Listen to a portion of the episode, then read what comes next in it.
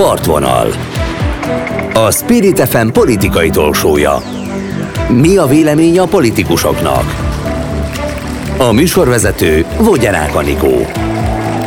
Nálunk tényleg mindenki szóhoz jut. Köszöntöm Önöket a szerkesztő Szabó Betti nevében is. Jobb-közép polgári pártnak definiálják magukat, akik részesei az ellenzéki összefogásnak, mert kormányváltást akarnak. Az Új Világ Néppárt elnöke Pálinkás József lesz a vendégünk. Megkérdezem, miben mások ők, mint mondjuk a Jobbik, megférnek-e egymás mellett. De az Oktatási Minisztérium korábbi vezetőjével beszélgetni szeretnék arról is, hogy mit gondol például az egyetemek átalakításáról, vagy az autópályák koncessziójáról. Aztán Bősz Anettel beszélgetünk majd a mai parlamenti szavazásokról, hát illetve a nem szavazásokról, hiszen bolykottálták a munkát. A Jobbik viszont ott volt, így a liberálisok elnökét megkérdem majd arról is, hogy az ellenzéki összefogás széthúzását jelenti-e ez. És beszélgetünk arról is, hogy milyenek az esélyei, hiszen érden indul, ahol most már a Jobbik is mögé állt. Partvonal. A műsorvezető Vogyarák Anikó. És vendégem Pálinkás József, az Új Világ Néppárt elnöke. Köszöntöm. Jó napot kívánok! És kérem, hogy mindenek előtt egy kicsit pozícionálja számomra az új világ néppártot, mert az utóbbi időben kicsit nehéz eligazodnunk civileknek, pláne például, hogy van most egy újabb párt, a reformerek, ugye Vargadam Andrának a pártja, ami hasonlóképpen pozícionálja magát, szóval mit kell tudni az új világ néppártról, kikhez szól, kiket szólít meg? Az új világ néppárt egy jobb-közép polgári párt, egy pragmatikus polgári párt. Természetesen nyitottan a bal középre is, hiszen ez a hagyományos jobboldali, baloldali megbusztás, ez szerintem idejét múlta, még akkor is, hogyha vannak, akik szeretik nagyon határozottan konzervatívnak vagy jobboldalinak nevezni magukat. Hát a középen most nagy a tülekedés, ez eh, kétségtelen. Ugye ezt a pártot 2020-ban eh, kezdtük el szervezni, 2019 végén, és hát 2020 októberében eh, jött létre ezután jött létre még több nagyjából hasonló ter, helyre pozícionált párt. Hát, hogy mi lesz ezekkel egy, kettő, három, négy, öt, kilenc év múlva, ezt nehéz megmondani. A magyar pártstruktúra most olyan mértékben töredezett.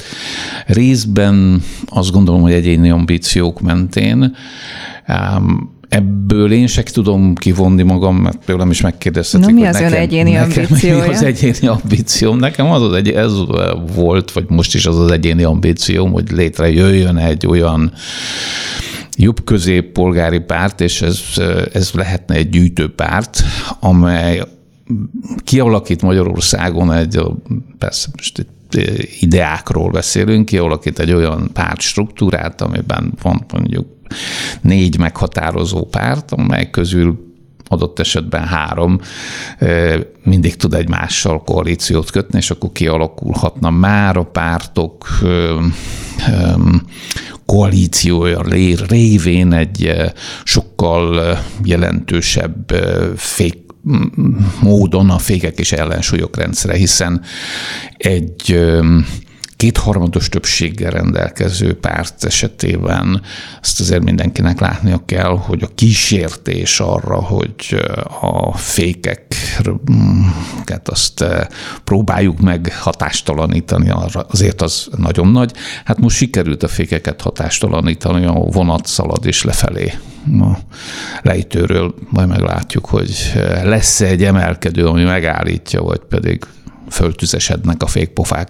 Ugye a civilek azt hallják, hogy ha már es, egy esetleges kormányváltásról beszélünk, amit ugye ön is említ Igen. ezáltal, gondolom én, hogy a fékre itt ezzel célo, vagy erre cél, céloz.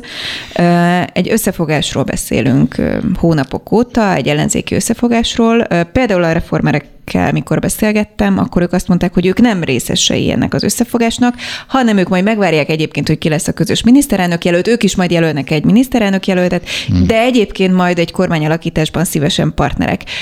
Mi ennek a pártnak, az önök pártjának a véleménye erről? Valóban egy összefogás kell egy esetleges kormányváltáshoz? Mindenképpen összefogás kell egy kormányváltáshoz, még csak esetlegesnek sem mondjuk. Tehát ahhoz, hogy kormányt és... Nem esetleges? Ez már biztos ön szerint? nem biztos, semmi nem biztos, de az összefogás azért jött létre, és azt gondolom, hogy azt bátran kimondhatjuk, hogy Magyarországon a választópolgárok többsége most kormányváltást szeretne. Az, hogy ez a jelenlegi választási rendszerben megvalósulhat-e, az, az a bizonytalan. Az összefogásra tehát szükség van, ezért mi egy sajátos módon be is jelentkeztünk ebbe az összefogásba. Mi ez a sajátos, sajátos mód? módja az, hogy létrejött egy hatpárti megállapodás. Ennek a megállapodásnak mi nem voltunk részesei, több oknál fogva. A legfőbb ok az, az volt, hogy amikor mi létrejöttünk, akkor ez a hatpárti megállapodás már lényegében készen volt. A másik oka, amivel nem akarom természetesen a versenytársakat nem vádolni, az, hogy hát nyilván nem örülnek egy versenytárs megjelenésének, különösen, ha a hat párti összefogásban vannak olyan pártok, amelyek nagyjából hasonló helyen helyezkednek el, hiszen... No, ki az, aki hasonló helyen Hát a jobbik ezerrel törekszik arra, hogy azt a polgári jobb-közép párti, néppárti helyet elfoglalja, amelyet És a Jobbik már üzent önöknek, hogy nem annyira örülünk a létrejötteteknek? Nem, üzent, de hát van testbeszéd is, amiből azért látszik, hogy vissza nem, telefonon történő vissza nem hívás, vagy van ennek sok módja kifejezni azt, hogyha valamit szeretnénk, meg azt is, hogyha valamit nem szeretnénk.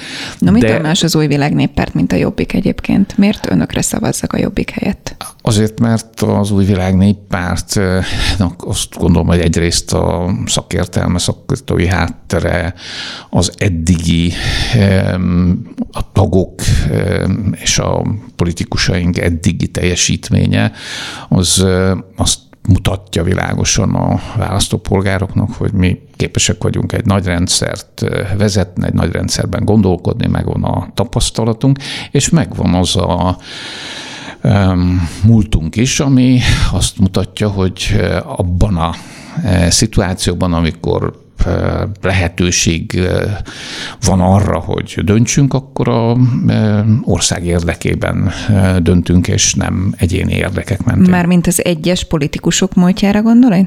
Az egyes politikusok múltjára gondolok, természetesen, és a saját múltamra gondolok. Ön indul miniszterelnök jelöltként is. Az ATV készített egyébként, illetve az ATV megbízásából készítettek egy kutatást, a Pulzus piackutató végezte ezt, és ön jól mérhetően egyébként három százalékon szerepelt ebben a kutatásban. Mi erről a véleménye? Én nem vagyok eléggé ismert politikus ahhoz, hogy ebben a politikai megmérettetésben a egyrészt az ismertségben jól szerepek, másrészt azért ez a miniszterelnök jelölti verseny, ez szerintem nem az alkalmasságról szól, hanem a párt preferenciákról szól, hiszen mhm. minden párt, vagy majdnem minden párt vezetője vagy a vezető által preferált személy elindult ezen a e, versenyen, és hát nyilván a Momentum e, szavazói azt gondolom, hogy e, a Momentum által megnevezett miniszterelnököt jelölik most meg a felmérésekben. Egyrészt vitatkoznék azzal, hogy ki ismert és ki nem. Szerintem ön pont egyébként egy ismert politikus. Másrészt Körülbelül pont... 40 százalékos az ismertségem. Mennyi? Körülbelül 40. No, akkor abban a 40-be tartozom, hogyha ez vigasztalja. Vigasztal. Pont Fekete Győr András mondta egyébként, hogy ő örül annak, hogyha egyre többen jelentkeznek be ebbe a miniszterelnök jelölti versenybe, mert hogy szerinte a verseny az jót tesz, és mindemellett viszont akkor miért fontos, hogy az új világnéppártnak legyen ott, és ön ott legyen egy miniszterelnök jelölti esetleges majd vitában, illetve megmérettetésben? Több okból. Az egyik az, hogy ott is el tudjuk mondani az elképzeléseinket. A másik pedig, hogy szimbolikusan is megjelenítsük azt, hogy a következő választás az minden ellenkező híresztelés ellenére nem a jobb oldal és a bal oldalról szól, hanem a tisztességes kormányzásról és a nem tisztességes kormányzásról, mert azt gondolom, hogy a Fidesz 2010 óta egyre romló módon nem magyar emberek érdekében kormányozza ezt az országot. Ezen kell változtatni.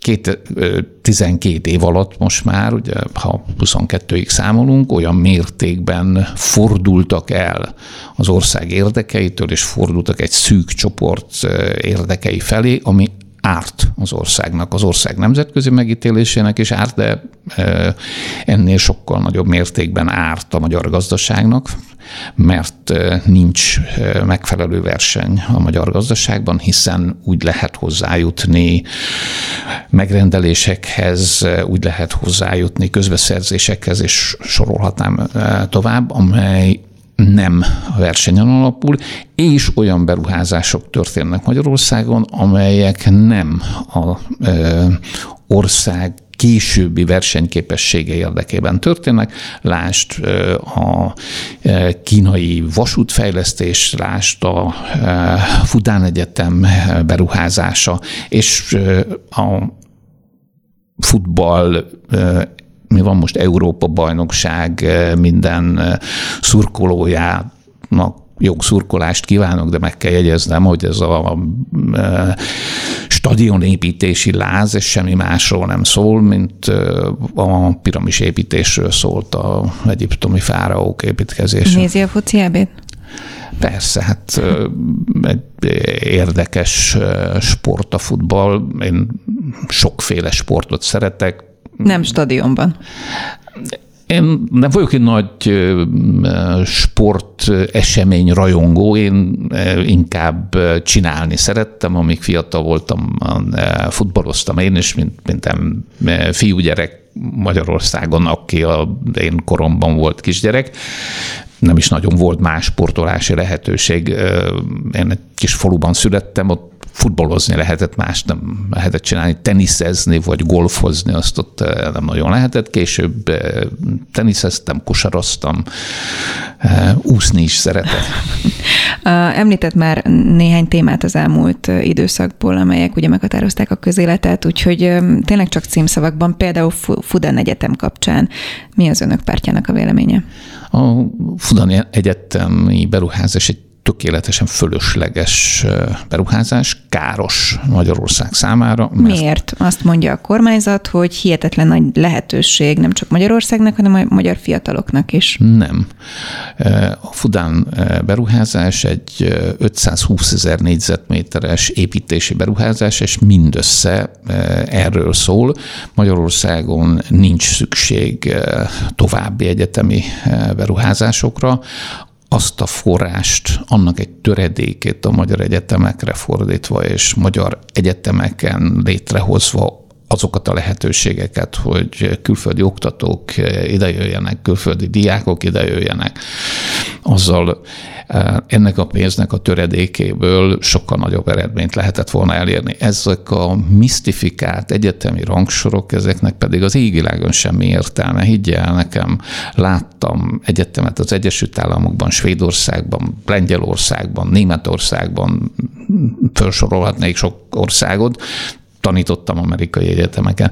Ezeknek, hogy valaki a 34. vagy a 39. vagy az 57. az égvilágon semmi értelme nincs. De gondolom az oktatás eleve még mindig közel áll az ön szívéhez, ez mint ugye van, egykori oktatási minisztérium vezetője. Plusz úgy, akkor... én egészen mellesleg egyetemi tanár vagyok, és plusz nem mellesleg, és akkor tessék, eh, egyetemek átszervezése. Tanítottam nagyon eh, sokáig a Debreceni Egyetemen, és nagyon szeretek is eh, tanítani. Egyetemek átszervezése megint csak nem a megfogalmazott cél az, amiért ez az egész történik. Azt Mert mondták, a cél helyes lenne? Hát az a, az az elvi cél, hogy a magyar egyetemek működjenek hatékonyabban, ez egy teljes cél. De az a, attól, hogy a magyar egyetemek gyakorlatilag változatlanul működnek, és odaültetnek néhány politikust egy testületbe, olyanokat ráadásul, akiknek nagy részének fogalma sincs az egyetemi oktatásról. Ezt összekeverni azzal, hogy hagyományosan az Egyesült Államokban vagy Angliában van egy igazgató tanács az egyetemek élén, amely elsősorban az egyetem gazdasági ügyeivel foglalkozik, célja például az, és feladata például az, hogy a felügyelje a finanszírozást, felügyelje azt, hogy a, az egyébként alapítványi egyetemek, amelyeknek működő tőke van a tulajdonukban, tehát... Meg vagyon. Hát a vagyon is, de a működő tőke, ami, aminek van hozama, amiből lehet az egyetemi oktatást finanszírozni. Most a Cambridge Egyetem tulajdonában van talán a királyi család után a legnagyobb földterület Angliában, és ezen ez ezen gazdálkodnak valakik, most hogy a egyetem vagy nem, ezt természetesen nem tudom ezeket a részleteket, de a tulajdonukban van a Southamptoni kikötőnek egy része, tehát olyan, amiből minden évben jelentős osztalék jut az egyetemre. De akkor egyébként az irány működik. az jó? Abban az értelemben nem jó, hogy ezeket az egyetemeket magán személyek hozták létre, magánalapítványként jöttek létre, és hogyha megnézzük az Egyesült Államokat, vagy megnézzük Németországot, Ausztriát, az egyetemek többsége állami egyetem. Magyarországon az állam játszik, vagy az állam nevében játszik a kormány mágnást, aki most egyetemet alapít, és alapítványt hoz létre. Hát könyörgöm, a saját pénzükből hozzanak létre alapítványt, de azt azért kérdezzék már meg a állampolgároktól, hogy akarják hogy az állami tulajdon az néhány embernek a felügyelete alá kerüljön örök időre. No, a másik, ami aktuál politika és friss hír, szeretném, hogyha erről is elmondaná az ön, illetve a pártja véleményét. A magyar kormány pénzhiányra hivatkozva koncesszióba adná a magyar autópályák építését és üzemeltetését. Ez ugye elvileg azt jelenteni a gyakorlatban, hogy több mint három évtizedre magánkézbe kerülnének az autópályák. Ezt meg lehet tenni? Mi a hozadéka, mi az értelme, mi a cél? Jogilag meg lehet tenni, de ez azt gondolom megint csak egy merénylet a magyar emberek, a magyar autósok ellen, hiszen ha ezeket az autópályákat, amelyeket magyar pénzből, költségvetési pénzből építettek meg. És emlékezzünk vissza, hogy a ötös autópálya az M5-ös autópályát, amikor az koncesszióban volt, akkor mennyit kellett fizetni azon az autópályán. Tehát most gyakorlatilag fű alatt, úgy, hogy közben millió más dologgal van a magyar közvélemény elfoglalva, a teljes magyar autópálya hálózatot koncesszióba adják, aminek az lesz a következménye, hogy lényegesen emelkedni fognak az autópályadíjak. Semmi értelmét nem látom, azon kívül, hogy valamilyen céget, cégeket hozzá akarnak juttatni jelentős haszonhoz, mert ha közbeiktatnak még itt egy üzemeltetőt, akkor az a üzemeltetés biztos nem lesz olcsóbb, mint hogyha a kormány a állam tulajdonában lévő autópályákat üzemelteti. Ezt ha egyre több szereplőt iktatunk közbe, akkor mindenki lecsíp valamit belőle, és félek, hogy nem is keveset fognak ebből eh, lecsípni. Én ezt eh, olyan dolognak tartom, ami megdöbbentő, hogy ezt eh, ilyen fű alatt és ilyen csöndben teszik meg, miközben konzultálnak az emberekkel azokról a kérdésekről, amihez aztán az emberek úgy igazából nem értenek. Azt meg lehetne tőlük kérdezni, hogy akar-e több autópályadíjat fizetni, és akkor meglátnánk, hogy mi a válasz. Ezek ugye mind kérdés, hogy például, hogyha ez így van, akkor egy esetleges kormányváltásnál ezeket vissza lehet-e vonni, vagy meg lehet-e változtatni, amihez szintén visszacsatolhatunk oda, hogy egy előválasztásnak mennyire kell sikeresnek lennie, vagy nem. Ez egy, ez egy óriási kérdés, és jó, hogy így a, e, itt vetődik föl, mert mi is a legfontosabb teendő egy kormányváltásnál. A legfontosabb teendő, hogy a kormány az visszaszerezze az államigazgatás feletti kontrollt, hiszen a elmúlt egy évben olyan mértékben szervezték ki a kormány alól az egész állam igazgatást, az államigazgatás kontrollját, hogy ez lesz a legnehezebb kérdés a kormányváltás után. Ráadásul visszaélve a törvényalkotással olyan törvényeket hoznak, amelyek a későbbiekben akadályozzák a kormány működését, és nem az a célja a törvénynek, hogy valamit szabályozzon, hanem, hogy később egy mondjuk feles egyszerű többséggel rendelkező kormányt megakadályozzon abban, hogy a feladatát, az állam igazgatását azt végre tudja hajtani előválasztás, még egy utolsó mondattal, hiszen ugye összefügg minden mindennel. Például egy sikeres előválasztás kell ahhoz, hogy ugye eljusson közösen az összefogás majd egy esetleges kormányváltáshoz. Említette, hogy szakértőkkel dolgoznak, és állnak elő, ugye Palotás János például az egyik ilyen név, aki szintén nem Igen. ismeretlen. Lesznek még, számíthatunk az előválasztásig hasonló meglepetés nevekre, mondjuk? Néhány névre még számíthatunk, akkor most egy elárulom, hogy csütörtökön majd több, még több előválasztási jelöltet bejelentünk. Ismert arcokat? Lesz köztük olyan is, aki mm, szűkebb, tágabb körben ismert. Ugye Magyarországon ma a mm, parlamentben lévő politikusokon kívül olyan nagyon sok ismert politikus nincs, és azért ha megkérdeznénk a hallgatóinkat, hogy soroljon már föl 30-40 Akkor ők nem politikusok, hanem szakértők inkább? Olyan közéleti emberek, olyan eh, civil eh, emberek, akik eh, részt vesznek a helyi közéletben, ismertek a helyi közéletben. Valójában arra van szükség, hogy józan gondolkodású, józan észsel rendelkező tisztességes emberek üljenek a parlamentben, akik föl tudják fogni egy törvénynek a jelentőségét, és szükség van arra a szakértői háttérre, akik megfogalmazzák ezeket a törvényeket, törvényeket, mert azt is hozzá kell tennem, hogy csapni való a pillanatnyi törvényalkotás.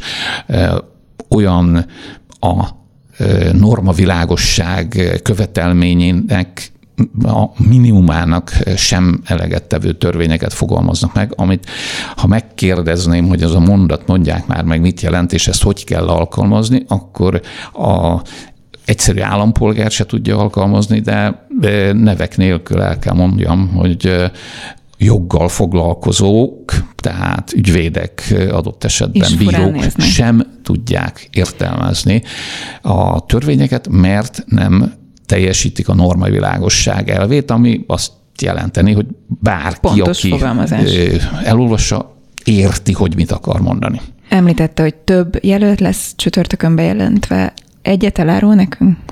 Na most hadd ne áruljak el egyet sem, akkor úgy érdekes. Akkor majd csütörtökön figyeljük. Pálinkás József, az Új Világ Néppárt vezetője, elnöke. Köszönöm szépen.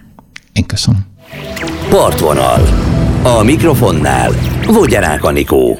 Bősz a liberálisok elnöke a vendégem. Köszöntöm. Jó napot kívánok! És nagyon frissek vagyunk, a parlamentből érkezett egyenesen, felvételről megy ez a beszélgetés, és délután beszélgetünk és ugye például a legaktuálisabb, amiről mindenki beszélt az elmúlt napokban, illetve hát nem véletlen a tüntetés is a pedofilok elleni törvénytervezet kapcsán volt, amit 157 igennel és egy nemmel elfogadott a parlament, és reggel mi még itt az aktuálban arról beszélgettünk, Siffer András mondta pont ezt, hogy most akkor ez izgalmas, hogy az ellenzéki összefogásból kiszavaz a jobbik, vagy nem. Ez most azt jelenti, hogy széthúz az ellenzéki összetartás. Siffer András egyébként azt mondja, hogy ez pont azt jelenti, hogy ezzel igazából megakadályozhatja az ellenzék azt, hogy a kormány pedofil támogatással vádolja meg az ellenzéket. Mi a helyzet ezzel? Most ez kiszavazás, vagy sem? Igen. Ugye kezdeném azzal, hogy ha, ha normál menetrend lenne, tehát hogyha nem akart volna a kormány egy ilyen rettenetes és egyébként kifejezetten aljas csapdát állítani az ellenzéknek, akkor én valóban a parlamentből jönnék, így azonban nem, hiszen a, a, az a frakció, a Demokratikus Koalíció parlamenti képviselőcsoportja, amelynek magam is tagja vagyok a liberálisok elnökeként, egy az egyben bolykottálta ezt a szavazási forgatókönyvet, és én azt hiszem, hogy erre most nem is volt jó válasz.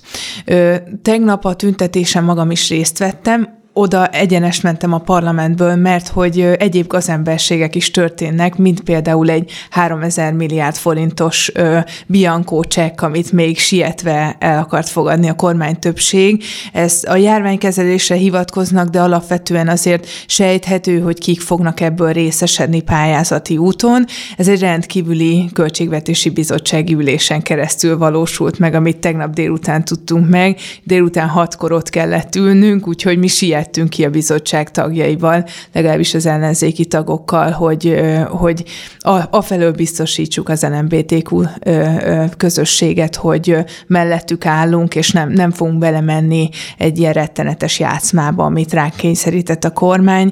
Megjegyzem, hogy nagyon nagy szükség lenne arra, hogy közösen föl tudjunk lépni hatékonyan a, a pedofil bűncselekményekkel szemben. Tehát szerintem itt most egyébként egy történelmi lehetőséget is elszalasztott a kormány, mert itt alapvetően érdekazonosság állt volna fenn.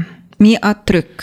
Mit nevezünk trükknek? Ja, a trükk az az, hogy ez a, ez a törvényjavaslat, ez lényegében összemossa a pedofilokat a meleg közösséggel. Ilyet nem szabad csinálni. Sőt, nem, hogy nem szabad csinálni, itt tovább sérül a méltósága, illetve az egyenlő bánásmódhoz való joga egy olyan közösségnek, amelynek egyébként több százezer tagja van, amely egyébként sokkal nagyobb jogegyenlőségnek örvend az Európai Unió számos országában, illetve a tengeren túlon is. Én azt hiszem, hogy nem ebbe az irányba kellett volna volna elindulni. Hát látjuk, hogy kereszténydemokrata kormányzatok sorra írnak ki olyan népszavazást, és kampányolnak is aztán később amellett, hogy mondjuk adott esetben a melegházasság, vagy a melegek örökbefogadása előtt megnyíljon jogtechnikai értelemben az út.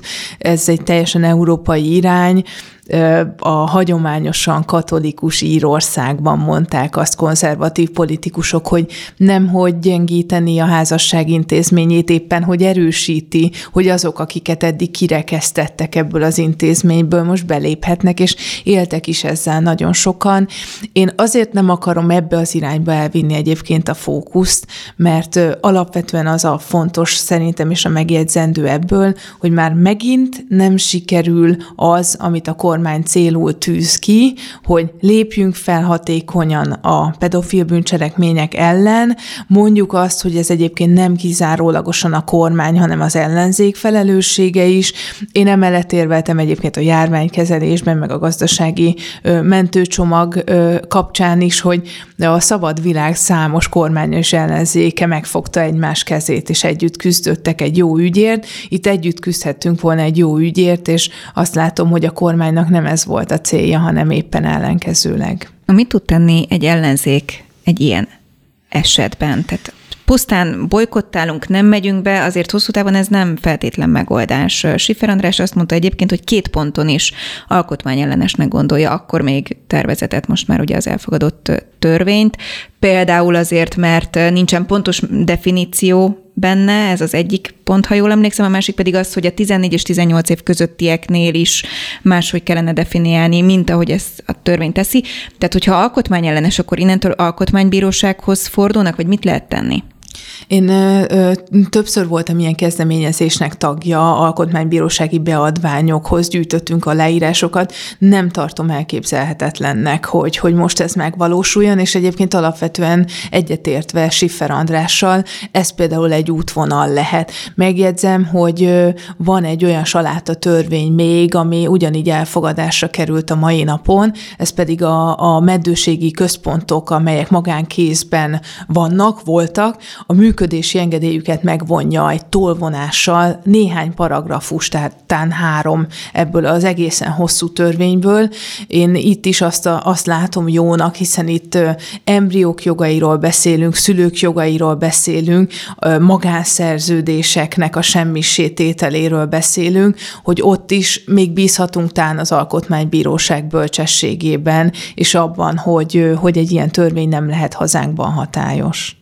Másik két ügy is volt a parlament előtt, mozgalmas egy ilyen utolsó nap, például a Fudán Egyetem ügye, illetve a bérlakások ügye. Melyikkel kezdjük? Mind a kettő nagyon szép.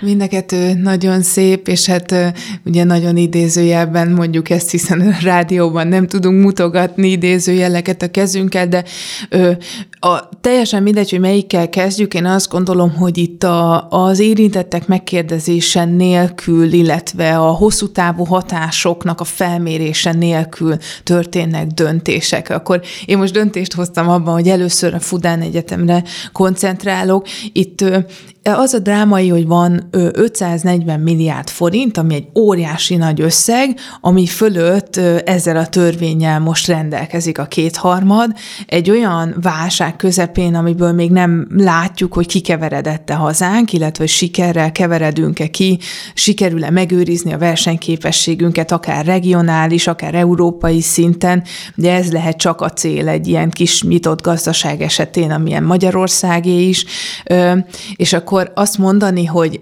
belehagyjuk a fejünket egy ekkora hitelbe, amit ráadásul Kína ad ö, nagyon zavaros politikai háttérrel, ugye, bevallottan egy diktatúrával állunk szemben. Most éreztük meg igazán, hogy mi történik akkor, amikor például egy diktatúrának a titoktartása mondjuk elmélyít egy válságot. Tehát az, hogy a koronavírus ö, első regisztrált eseteiről a világ nem tudott, és nem tudtuk még talán időben megfogni,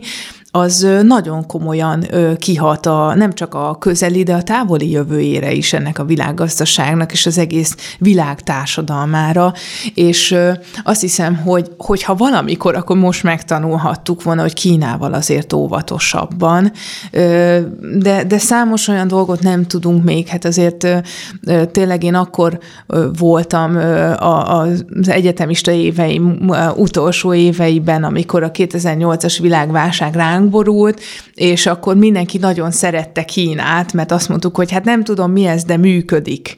Mondtuk erre a nemzetgazdaságra, most már erősen kérdőjeles, hogy működik-e ez, erősen kérdőjeles, hogy bízhatunk-e azokban a nemzetgazdasági mutatókban, amiket ők nyilvánosságra hoznak, bízhatunk-e azokban a járványadatokban, amiket nyilvánosságra hoznak, és bízhatunk-e azokban a nemzetközi szerződésekben, amit két ilyen egyenlőtlen fél köt, hát azért egy 10 milliós országról van szó. Én azt hiszem, hogy minket inkább arra használ Kína, hogy megvesse a lábát az Európai Unión belül, és mint egy ilyen eset tanulmányként fölmutassa, hogy nézzék, hát a magyar miniszterelnökkel is szövetséget kötöttem. A szavaiból úgy tűnik, mintha csak Kínával lenne probléma ebben a történetben. Pedig itt az ellenzék azért az elmúlt hetekben jócskán hangos volt attól is, hogy hitelt se vegyünk föl máshonnan. A kormánypárt ugye azt mondja, hogy egyébként a magyar fiatalok jól járnak egy ilyen nagy hírű nemzetközi egyetemmel, tehát akkor ezt egy kicsit bővítsük, hogy itt most akkor az a probléma, hogy Kínával szövetkezünk mindebben, vagy más probléma is van e mögött? Az egész modellel probléma van, azért kezdtem a nagy képből, ami, amiből mondjuk a, a, a globalizáció realizar globalizációból, meg, meg egyáltalán minden fajta világfolyamatból ö, szokás manapság már levezetni, azt gondolom, mindenfajta ö, ö, társadalmunkra kiható döntést, és szerintem ebben nagyon rossz döntéseket hoz a jelenlegi magyar kormány. Akkor is, nem csak akkor, amikor a, akár ázsiai, akár közel-keleti diktatúrákkal, vagy a putyini Oroszországgal szövetkezik, ennek meg lesznek még a következményei, és nem csak azért, mert a mi szövetségeseink szövetségeseink úgy katonai, mint gazdasági értelemben jobb helyen vannak Nyugat-Európában, illetve az Atlanti óceánon túl, hanem azért is, mert láthatóan van egy átrendeződés, és ezt a koronavírus válság egyébként merőben fölgyorsította, ahol nem tehetünk kizárólag egy lóra. Tehát ez a keleti nyitás, amiben Orbán Viktor láthatóan bele van szeretve, feltehetően nem kecsegtet annyi előnnyel, mint amennyivel a, a, a kétharmad most ezt állítja. És akkor megyek tovább, mert az 540 milliárd forint, amiben a magyar adófizetőknek kerül ez az egyetem, illetve az, hogy ez a, ez a kampusz létesül, hát ez is egy dráma. Meg az is egy dráma, hogy milyen hitelkonstrukcióval. Az is egy dráma, hogy belementünk ugyanúgy Paks 2-be Oroszországgal kapcsolatosan, mint ahogy most Kínával kapcsolatosan belemegyünk Fudánba, és nem, ö, nem szavaznak még azok az emberek, akiknek az adóforintjaikból ezeket a hiteleket törleszteni kell. Hogy, hogy van-e valaki, aki ezeknek a mostani iskolásoknak a szemébe tud nézni, és azt tudja mondani, hogy igen, az államháztartásnak ennyi meg ennyi százaléka majd ezeknek a hiteltörlesztésnek. Fűrés Balázs azt mondta az egyenes beszédben az ATV-ben, hogy mindenki nyugodjon le, mert itt 24-ig semmi nem fog úgy sem történni, meg ugye szó volt most egy népszavazásról, vagy mégsem, először arról volt hogy nem lehet népszavazás, aztán arról, hogy de mégis csak lehet, aztán ezeket nem látjuk, szóval most akkor mi a helyzet ezzel? Mi az, amit elfogadott most a parlament? Hát én azt hiszem, hogy elsősorban a célt fogadta el. Azt fogadta el, hogy mostantól nincs ellentmondás, és ráállunk erre, a, erre az útvonalra. Az, hogy ez mikor kezdődik el, ez, hogy, hogy Fürjes Balázs megnyugtat mindenkit, hogy 24-ig nem történik semmi, az egy nagy magabiztosságról árulkodik, hogy feltétlenül akkor 22 után is ez a kormányzat marad és hoz majd döntéseket. Én, én ezt azért is tartom nagyon rossznak, és akkor megyek tovább itt, hogy a kommunista Kínából érkező Fudán Egyetem a, a magyar adófizetők pénzéből létesítve is jó nekünk, ugyanakkor magánpénzből létesített közép-európai egyetemet elüldözünk. Nagy hírű, nagy múltú, egyébként megjegyzem, hogy én magam CEU? vendég, ugye a CEU kérdés, ugye a CEU kérdés, amely, amelyért egyébként annak idején, amikor helyet keresett itt közé Közép-Európában a CEU, akkor küzdött kifejezetten a magyar kormány, akkor, akkor az az oktatási miniszternek, illetve, illetve az egész kormánynak is a sikere volt, mert én azt hiszem, hogy távolról szemlélve ezt a régiót, szinte mindegy, hogy Prága, Pozsony vagy Budapest, és nagyon szép dolog volt az, hogy ilyen egyrészt oktatási, másrészt kulturális értelemben hozott egy olyan döntést ö, ö, egy, egy egyetem, amely, amely megtisztelte hazánkat, és öregbítette nem, nem csak a saját hírnevét, hanem azt hiszem, hogy Budapestét és Magyarországét is. Én magam egyébként abszolút vendégként fölhasználtam többször azt a páratlan lehetőséget, hogy a CEU-nak nem akármilyen könyvtára van itt. Szerencsére egyébként az itt maradó karok miatt a mai napig itt is van, de hogy tényleg sokkal többen nyernek, mint azok a szerencsések, akik felvételt is nyernek a CEU-ra, ez kétségtelen. Szóval, hogy őket elüldözzük, rájuk nincs szükség, azonban, akiket majd még generációkon át fizetni fogunk hitelből, azok nagyon szívesen vannak látva. Itt most egy nemzetközi ügyről beszélünk, mint ahogy említette is Paksot például, de hát nagyon sok hasonló nemzetközi ügy van, akár hogyha a honvédelem területére eveznénk. Hogyan lehet ezeket elgáncsolni, megakadályozni, visszavonni. Gondolok itt arra, hogy jelentős része egyébként titkos ezeknek, sok van olyan, ami még az is titkos, hogy miért titkos, ami számunkra civileknek teljesen érthetetlen. Tordai Bence, amikor a vendégünk volt itt a partvonalban, ő azt mondta, hogy egy esetleges kormányváltásnál ezeket meg kell akadályozni, nem kell teljesíteni, még úgy sem, hogy be kell vállalni azt, hogy majd a leendő új magyar kormányt, hogyha ez az ellenzéki kormány lesz, nagyon durván meg fogják büntetni, hogy még akkor is jobban járunk egy, egy büntetésre, egy nagy büntetésre, mint hogyha ezeket teljesítjük. Mi erről az ön véleménye?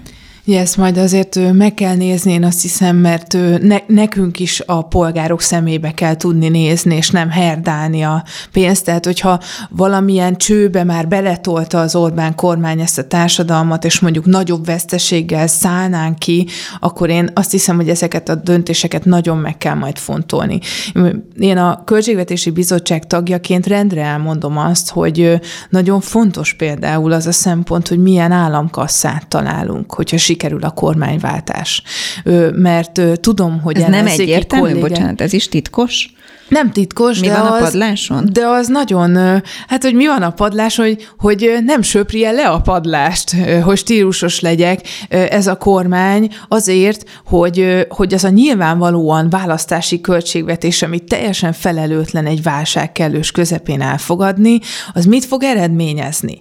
Tehát amikor például az ellenzék közös programalkotó bizottságában ott ültünk és vitáztunk, akkor én mindig megszólaltam, amikor az adóügyekről beszéltünk, hogy nagyon vigyázzatok, hogy mit ígérünk, mert meg lehet, hogy ebben meg ebben a költségvetési bugyorban már nem találunk pénzt, ha sikerül a kormányváltás, mert el lesz költve. Mert mi van akkor, hogyha a teljes évi ö, ö, betervezett állam, államháztartási hiány már megvalósul mondjuk áprilisra, mire az emberek bemehetnek szavazni azokba a fülkékbe. Ezek nagyon veszélyes dolgok, azt hiszem, és és az elmúlt 11 év alapján mondhatom azt is, hogy tényleg bármire képes lesz Jó, ez csak a én megérthetem úgy is, hogy akkor az ellenzék, illetve az ellenzéki összefogás nem tud mit ígérni, mert majd akkor ígérünk, hogyha látjuk, hogy egyáltalán mit fogunk átvenni. É. És ez így potenciális ellenzékre való szavazóként azért egy picit ijesztőnek tűnik. Szerintem sokkal ijesztőbb az, ahogy a jelenlegi kormány viselkedik, akár költségvetési kérdésekben, vagy bárhogyan. A legnagyobb ígérete azért az ellenzéki szövetségnek mégiscsak az intézményrendszeri helyreállítás, illetve a jogegyenlőségi kérdések, a társadalmi igazságtalanságok felszámolása, ez nagyon-nagyon fontos lesz. Én azért beszélek arról, hogy, mert szerintem felelősen így lehet ígérni, hogy óvatosnak kell lennünk. Amikor azt mondjuk, hogy kidobjuk a költségvetést, nagyon szeretném, ha ott lennénk, és azt mondhatnánk, hogy igen, jövő májusban ugyanígy lesz majd egy nagy költségvetési módosító javaslat azért, mert már mi kormányozhatjuk az országot, de nagyon kell figyelni arra, hogy itt nem biztos, hogy Orbán Viktorék hagynak a kasszában annyi mozgásteret, amiben még ö, ö, tudunk mi bármit is ö, tenni, és nem pedig gúzsba kötve táncolunk. Ez nem azt jelenti, hogy az ellenzéki szavazókat én lebeszélném arra, arról, hogy vigyázó szemeit az ellenzékre és a közös programra vesse, mert itt nagyon sok olyan társadalom szervezési ajánlatbeli különbség van, amiben azt gondolom, hogy a gúzsba kötve táncolása is jobb lesz az ellenzéknek ott az első években, mint amit itt az elmúlt 11 évben tapasztaltunk, és ez nagyon nem mindegy. És akkor át is kanyarodhatunk ugye erre az ellenzéki összefogásra, hogy most akkor az igazából bolykottot, bolykottáló jobbikkal, most akkor mi van a mai nappal, hogy akkor bolykott volt, de mégsem, mert ők a pedofil ügyben bementek szavazni? Igen, a tegnapi napon odajött hozzám a Kossuth téren egy fiatal riporter, és egy pár kérdést feltett, ez is köztük volt, hogy mit teszünk a jobbikkal. Én nagyjából értem azt a szándékot, hogy, hogy ők is kormányváltásra készülnek, és azt mondják, hogy majd kigyomláljuk mi ezt a törvényt, és a gyalázatos részeit azonnal semmissé tesszük akkor, amikor sikerült a kormányváltás. Ugyanakkor ez egy fontos ügy, hogy föllépjünk a pedofil bűncselekményekkel szemben. Ezzel mi Én a baj? Azt hiszem, a, a, ezzel, ez egy teljesen valid álláspont. Én ezt tudom mondani. Mi nem véletlenül határoztunk más, hogy akár a DK, akár a no, liberálisok, miért? mert, mert egy olyan rettenetes csapda ez, amiben szerintem nincsen jó döntés, és itt nagyon nehezen magyarázható majd. Azt hiszem, hogy a Jobbik majd meg fogja kapni azokat a kérdéseket, hogy a, és a törvény vonatkozó részei, amelyek még minimum a kormányváltásig hatályosak, azzal mi van. És azt hiszem, hogy ezekre a kérdésekre meg ők nem fognak tudni, vagy csak nagyon nehezen válaszolni. Tehát ez egy nehéz kérdés. Én remélem, Nincs széthúzás hogy... az ellenzéki összetartásban? Én, én, nem látok, én, én nem látok ilyet. Eddig is voltak ilyen ügyek, amikben nagyon nehéz volt felelősen dönteni. Azt gondolom, hogy ők is igyekeztek így tenni, meg mi is igyekeztünk, és végül egyébként volt is olyan ellenzéki párt, most nem akarok kiemelni senkit, akik megváltoztatták az utolsó pillanatban a tervezett döntésüket azért, hogy, hogy az ellenzéki egység megmaradjon. Én szerintem ez nem fog a jövő jövőben köztünk problémákat szülni, ennél sokkal nagyobb békeket is próbált már verni az ellenzékbe a jelenlegi kormány. Igen, azt látjuk folyamatosan, és sok elemző szerint például ugye az is fura, hogy most egy versenyre készülnek, ami hát nem lesz könnyű, hiszen elmegy csicsikálni a parlament, mindenki elmegy nyaralni, végre nyitás van, mehetünk jobbra-balra, egy olyan időszakban kellene komoly kampánytevékenységet folytatni, amikor nehéz megszólítani a választókat. Ön például hogyan készül? Ugye érden fog indulni indítani a Jobbik támogatásával. Így van, ugye volt, volt ezt megelőző időszakot tekintve már három másik támogató, mindenki Magyarország, a mozgalom, a Demokratikus Koalíció és a liberálisok. Igen, csak ezeket mellé... könnyebben dolgozza fel a közélet szerintem, mint Igen. azt, hogy bőszanett a Jobbikkal. Ez, ez igaz. Mondjuk én, én nagyon sokat küzdöttem azért, hogy amikor a Jobbik azt mondta, hogy elindul a néppártosodási folyamatban, és, és szeretné ezt befejezni is, akkor én azt mondtam, hogy egy liberálisnak ez bele kell, hogy férjen. Bele kell, hogy férjen, hogy egy ember változni szeretne, vagy egy közösség változni szeretne. Hogyha ezt nem engednénk meg, akkor például soha nem engedhetnénk ki a börtönből bűnelkövetőket, hiszen akkor csak a megtorlás eszközeként tekintenénk a, a börtönbüntetésre, jelenlegi tudásunk szerint pedig hagyjuk ezeket az embereket, hogy rájöjjenek arra, hogy nem cselekedtek jól, és szeretnének máshogy cselekedni a szabadulásuk után.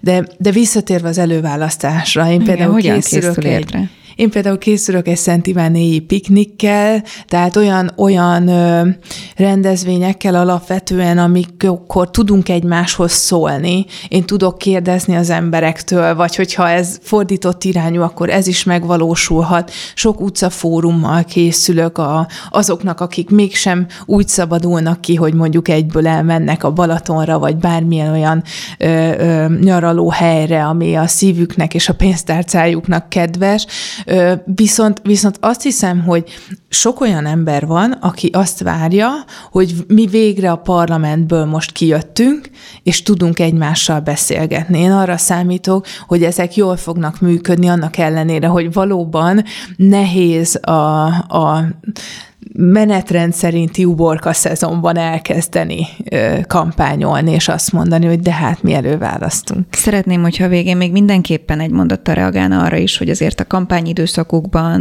nyilván beindulnak rágalmak, nem rágalmak.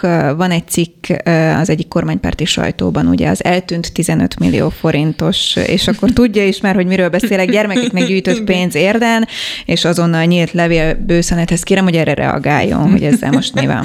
Jó, én azért nagyon-nagyon köszönöm ezt a kérdést. Ugye itt történt egy hatalomváltás, 2019. október 13-án a Demokrata Ellenzéki Szövetség legyőzte Témészáros Andrást. Ez a hölgy, aki korábban az úszó sportot vezette, ez a hölgy a bukott polgármester felesége, aki egyébként úgy vezette ezt a sportklubot, hogy egyrészt elüldözte a világklasszis Milák Kristófot, másrészt pedig már más versenyzők, edzők, illetve szülők is olyan tarthatatlannak ítélték az ő vezetése alatt ezt a klubot, hogy az új önkormányzati vezetést arra kérték, hogy változtassanak ez, ezt a céget, amely korábban vezette az úszóklubot, ezt ö, volt, akik ott hagyták Berci Zitának, és egy újnak adták meg a megbízást, hogy az úszósportért feleljen, nevelje tovább a gyermekeket, illetve, illetve tartsa tovább az edzéseket, ez meg is valósult.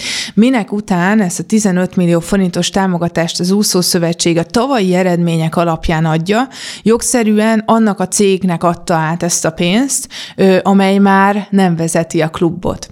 És hát a volt polgármester felesége igyekszik úgy tenni, mint hogyha valami fajta kegygyakorlásból átadta volna a klubnak ezt a 15 millió forintot, és úgy tesz, mint hogyha ez a pénz eltűnt volna, ez a pénz nem tűnt el, a pénzügyi vezető meg is adta a szakmai választ arra, hogy, hogy hogyan tervezik elkölteni, illetve a már elköltött forintok azok mire mentek.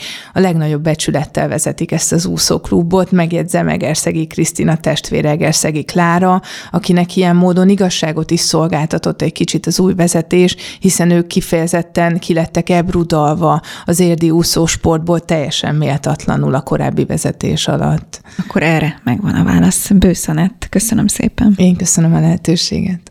Ez volt a Partvonal, köszönöm szépen a figyelmüket a szerkesztő Szabó Betti nevében is. Egy hét múlva kedden este hétkor várjuk Önöket. Partvonal. A Spirit FM politikai tolsója. Mi a vélemény a politikusoknak? Mi okoz konfliktust? Vagy épp egyetértést a pártok között? A mikrofonnál Vogyarák Anikó, a Spirit FM politikai tolsója minden hétfőn este hétkor.